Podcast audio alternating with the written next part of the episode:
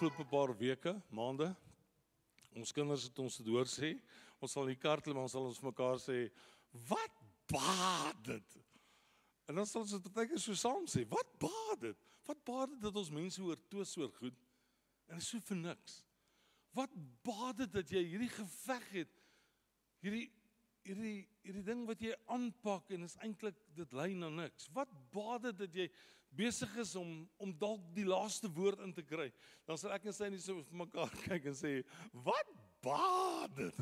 Maar so lekker ons rek hom so uit. Wat baat dit? Sê gou vir iemand langs jou, maar rek hom so uit en sê, "Wat baat dit?" Wat baat dit? Ek het 'n nuwe woord wat jy daar in jou praktyk kan gebruik as die ouens hulle hande moet hulle monde moet oopmaak. Wat baat? ja. Alright. You got you got the point. Ek ek, ek dink regtig baie keer, ek nie altyd nie, maar baie keer is ons besig om so verkwisting te maak met dit wat God ons gegee het. Daar's so verbeerde kansse. Daar's daar's kansse, geleenthede, tye, plekke wat God ons gegee het en ons kom net nie by dit uit nie. Ons mis net God se plan en en die potensiaal wat God vir ons gehad het. Ehm um, die potensiaal wat God in gedagte gehad het van die begin af. Ehm um, hier is vanoggend eiendomsagente in die gehoor so maar gaan in elk geval dit sê wat ek wou sê. Ehm um, die logsien hulle adverteer huise en dan dan sê hulle so by die advertensie baie potensiaal. Ja, sy maat, dis moeilikheid. Al kom jy by daai huis, dan sit 'n leppe date dit. Jo, askies, as jy huis in die mark is, is baie potensiaal, maar die, met die grootste respek. Sorry. Ek jammer. Maar maar ek sien dit werk. Ek sien dit ek sien dit geld. Ek sien dit hoe gaan jy alles moet oordoen want die huis is in 'n leppe date dit tyd. Wel, ons huis was actually so toe ons 12 jaar 11 jaar terug om koop toe loop Glenna in die huis en dis so 4 ag 200 vierkante meter huisie gewees. Oom Neil Roos was ook daar het gesien hoe dit gelyk het. En toe my vrou klaar die huis gesien het en sy klim in die kar en sy ry toe begin toe begin sy te huil. En sy sê it's okay. We're not going to stay there. We're going to make it nice. En ons sê maar maar maar okay. Partykeer is jou huis jou geestelike huis, jou persoonlike huis. Dalk so leppedate. Dat wanneer mense in jou huis instap, dan begin hulle eintlik huil. Want dit is so hartseer om te sien dat jy so ver verwyderd geraak het van dit wat God eintlik in gedagte gehad het oor jou lewe. Dis 'n verskriklike mooi poëtiese stuk wat jy kan lees in in Prediker 2 Hy sê ek het in my hart gesê nou ja, ek sal jou dis die lewe met vreugde op die proef stel, geniet dan die goeie. Hy sê maar kyk ook dit was te vergeefs. Dan gaan hy aan oor klomp goed en ek lig dit vir jou paar het hy sê ek het groot werk onderneem, ek het vir my huise gebou en ek het wingerde geplant. Ek het vir my tuine en parke aangelê en daar allerlei vrugtebome ingeplant en dan sê hy en kyk dit was alles te vergeefs, dit was 'n gejaag na wind.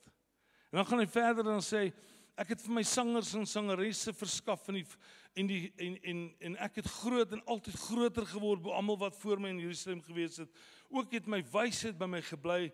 Ek en alles wat my oë begeer het, het ek hulle my oë nie ontsien nie. My hart het ek van geen enkele vreugde terughou nie. En kyk, dit was alles te vergeefs en 'n gejaag na wind kom eintlik tot niks. En hy gaan nie nog gaan nie, jy kan dit gaan lees, dit is net te veel wat hy alles van opnoem. En dan kom ek uiteindelik uit by die vers wat sê wat baat dit? Wat baat dit? Hm. As 'n mens die hele wêreld win, maar sy siel ly skade ander vertaling sê wat sal dit 'n mens help as hy die hele wêreld as wins verkry maar sy lewe verloor? Of wat sal 'n mens gee in ruil vir sy lewe? Ek praat van jou met jou vanoggend uit die lewe van Saul uit en dis ongelooflike goed wat gebeur het. En as jy sy ver, sy lewe vergelyk as koning met die lewe van Dawid as koning, dan kom die twee nie bymekaar uit nie. Dan sê vir jouself, hoe op aarde het Saul so ver weggeval, maar Dawid het net aanhou die guns van God beleef. Die verskil was Dawid kon jammer sê, hy het gedraai en hy het teruggegaan na God toe En as jy sy storie gaan lees dan dan sê die woord hy het sy uit sy hare geskeur, hy het rou kleed aangetrek, hy het vir dae lank nie geëet nie en en en dan dan het hy ook sy kind verloor. As gevolg van dit wat hy gedoen het.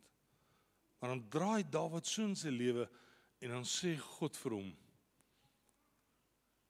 'n man so na my hart. Is ek die enigste een wat dit begeer dat God dit vir my sal sê? Is daar nog mense wat hand net wil opsteek en sê Here mag jy dit eendag van my ook sê 'n vrou so na my hart. So die teenoorgestelde van hoe Dawid geleef het is regtig wat jou gryp. In die hartseer van Saul is dat hy konstant in hierdie vrees geleef het, dat hy konstant op 'n plek was waar hy waar hy vreesagtig was oor die lewe en goed wat rondom hom gebeur het.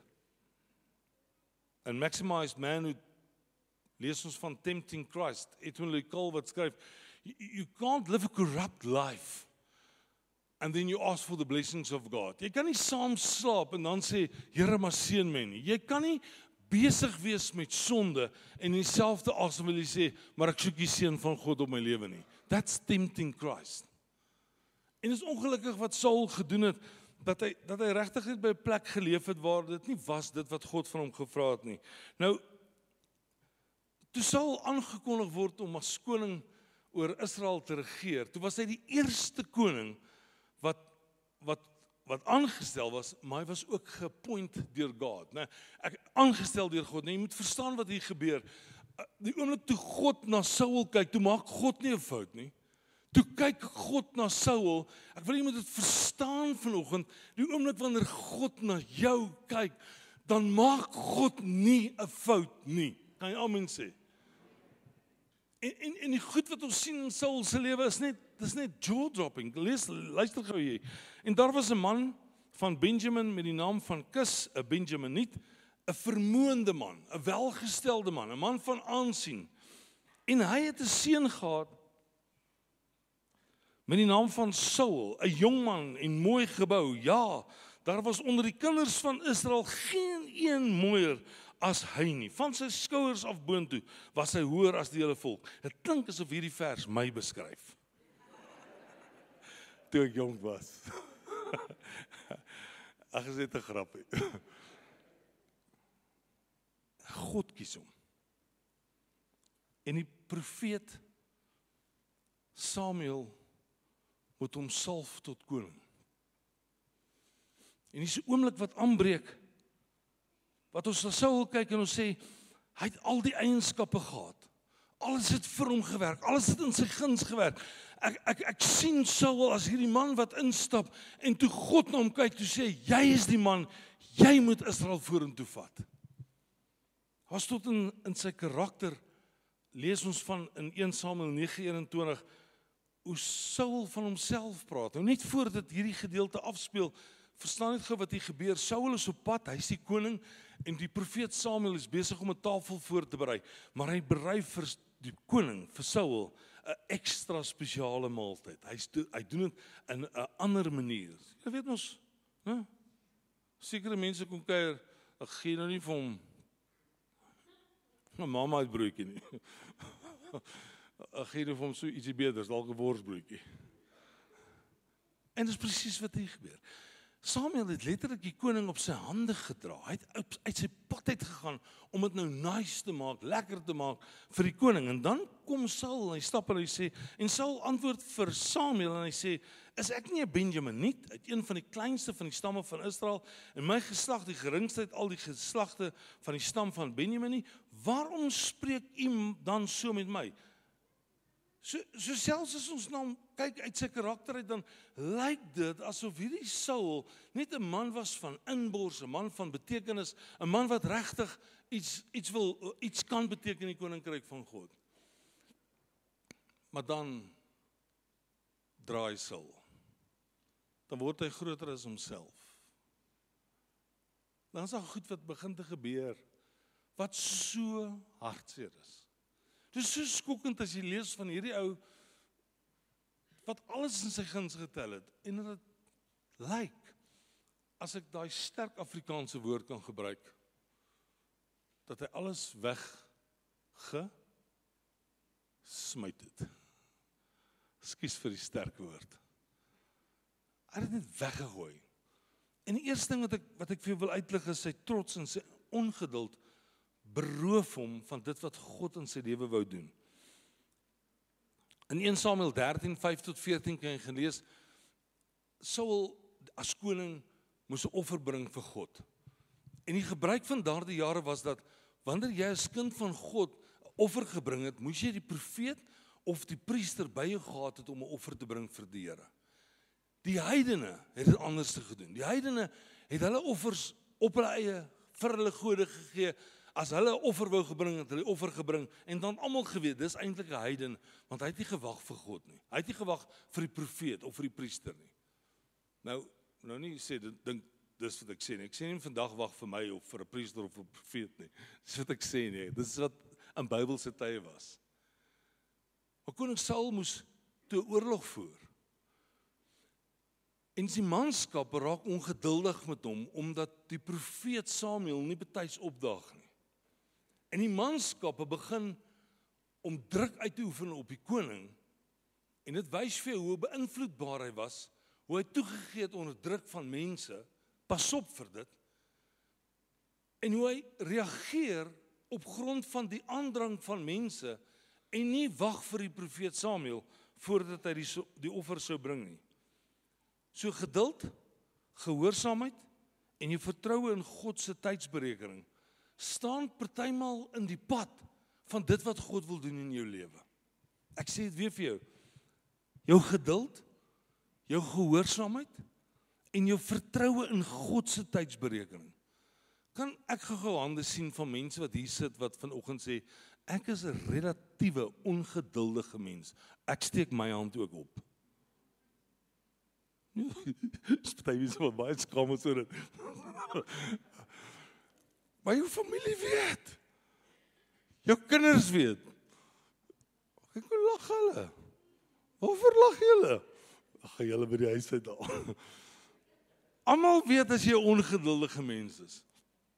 My span weet, as ek goed wil gebeur, dan wil ek hê dit moes al gister gebeur het. Nou, bro. Ek is net so. Ek's 'n vinnige mens. Ek, ek hou van goed vinnig doen. Ek ek hou daarvan om om gedrewe te lewe. Dit is baie keer verkeerd. Ek waarsku jou vandag, kyk na wat dit Saul gedoen. Kyk hoe sy ongeduld, sy ongehoorsaamheid en sy vertroue in homself hom wegvat van 'n plek af waar hy sê nou suk in die perfekte wil van dit wat God in my lewe wil wil doen. So die volgende ding is sy ongehoorsaamheid en die gevolge van 'n gedeeltelike gehoorsaamheid aan God. In 1 Samuel 15 gee God uitdruklik vir Saul en vir en vir Samuel die die die woord en hy sê gaan om die Amalekiete uit te wis en julle gaan julle gaan die oorlog wen maar julle moet alles doodmaak wat ek vir julle sê julle moet doodmaak. Van voor tot agter alles. Vroue kinders babas die Bybel sê babas.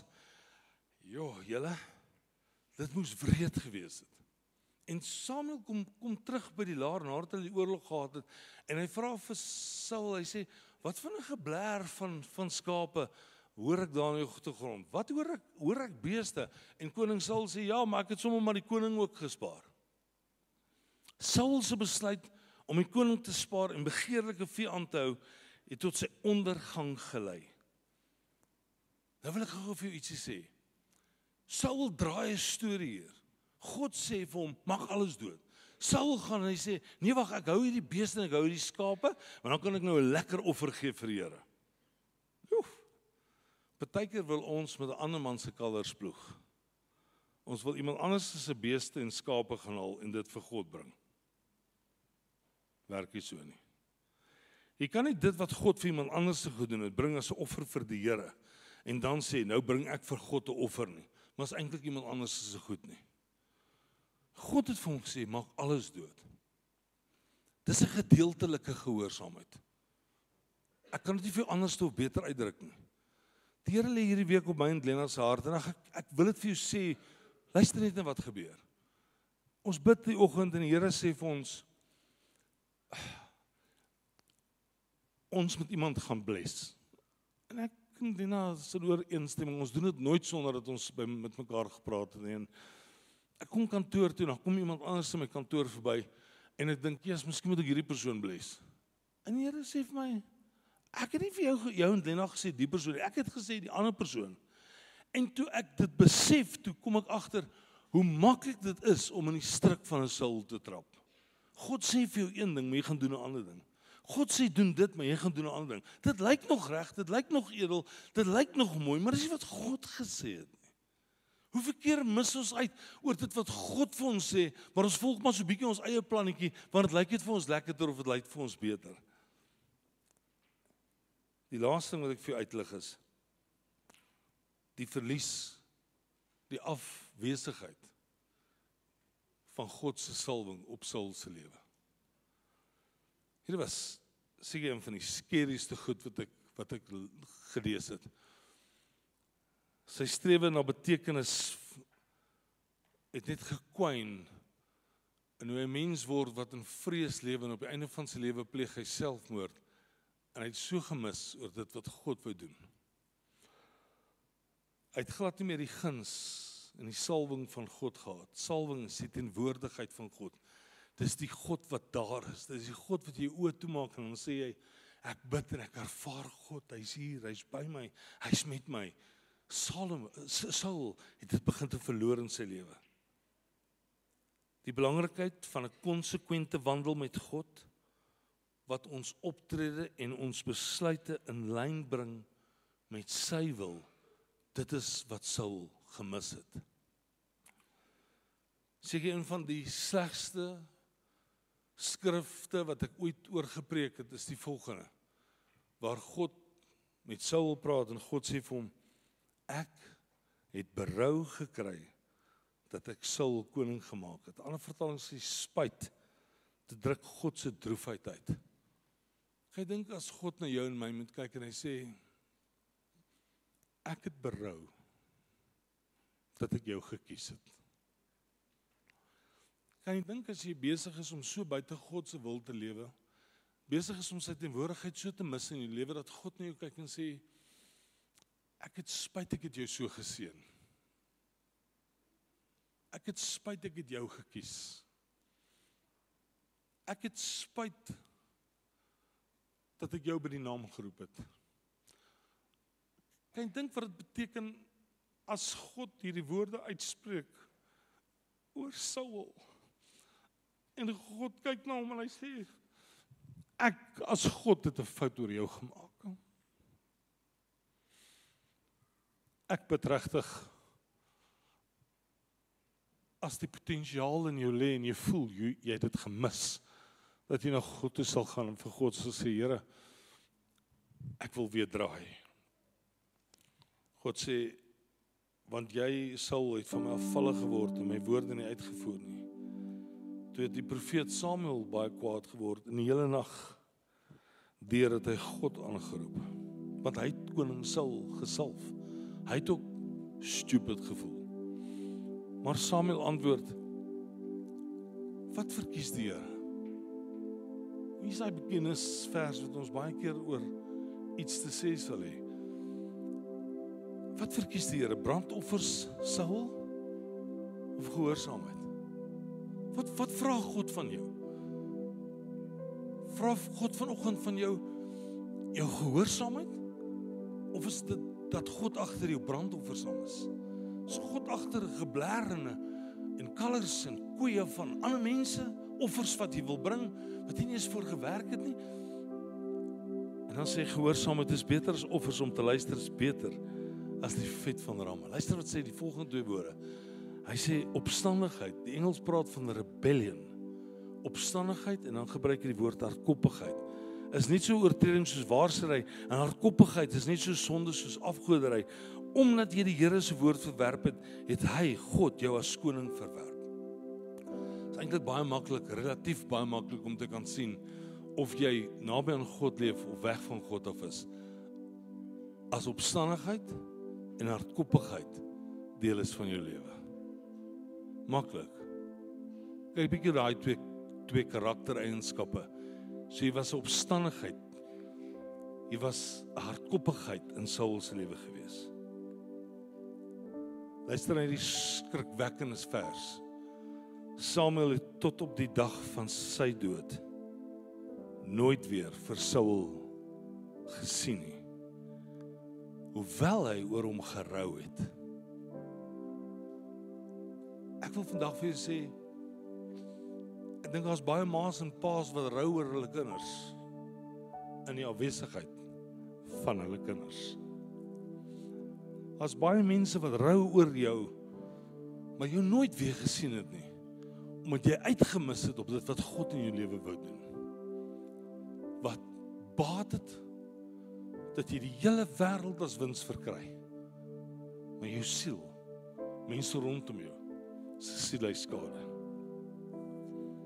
Vers 27 na vers 16 na vers 7 26 in Matteus 16 sê ek sal almal oordeel volgens hulle dade. Die engel sê and I will reward each person according to what he has done. He will render account and reward every man in accordance with what he has done. Luister as 'n belofte van seën. A promise of a blessing. That's what is awaiting you. God wil wil eendag hê jy moet voor hom kan staan en dan wil hy vir jou kyk in jou oë en hy wil sê mooi so goeie en getroue knegg. Ek het jou oor min aangestel, maar jy het so baie vir my gaan doen. As iemand wat vanoggend kan sê, Here, ek wil so graag daai een wees dat U vir my so iets sal sê. Kan jy jou hand opsteek en sê, Here, maak my dit. Jesus se lewe was tot die dood toe 'n lewe wat 'n verskil gemaak het. Die vrug van jou lewe is die bewys van hoe jy lewe leef wat saak maak. Ek glo daar's potensiaal in elkeen van ons wat vanoggend hier sit. Elkeen van ons. En as ons vanoggend vir mekaar sê God kyk na my en hy kom plaas op my kop 'n 10 uit 10. Dan sê God eintlik vir elkeen van ons vanoggend. Mag jy saak wat die fout in jou lewe regkry het nie. Dis wat ek in jou lewe gaan regkry. Glo jy dit? Matteus 6:33 soek eers sy koninkryk sy geregtigheid. In all these things, al hierdie goed sal vir jou bygevoeg word. Wat baat dit? Dat jy jaag elke dag. Dat jy agter soveel goed aan is. Maar jou siel is op die oomblik besig om skade te ly. God roep jou. Not to judge you one day. Die Afrikaans vertaal dit minder korrek. God roep jou na 'n plek waar jy eendag na jou toe gaan kyk en sê, daar's 'n belofte van seën vir jou. A promise of a blessing. Ek wil eendag die geleentheid hê om te kan sien hoe in daai familiekerk voor God verbystap en hoe God so na ons kyk en sê you did well you did well. I'm so proud of you. Maar hartseer sal wees as God na jou moet kyk en sê ek het spyt. Ek kan onder my lappies vat, hy sal die persoon vat, hy is te lief vir my. Ek het spyt.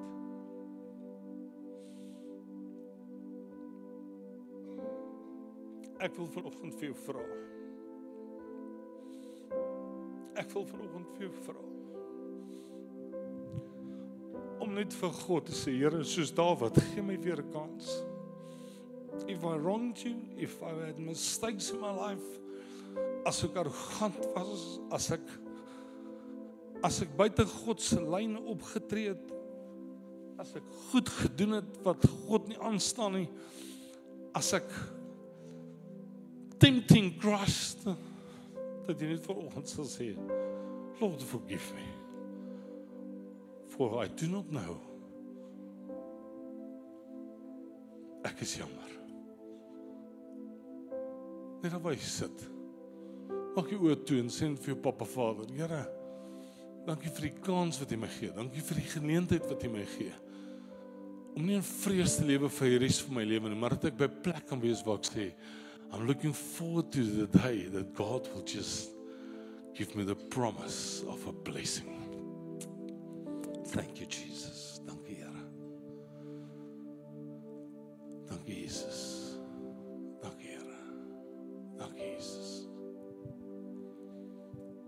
Here Sy ons leer soveel uit Saul se lewe vanoggend.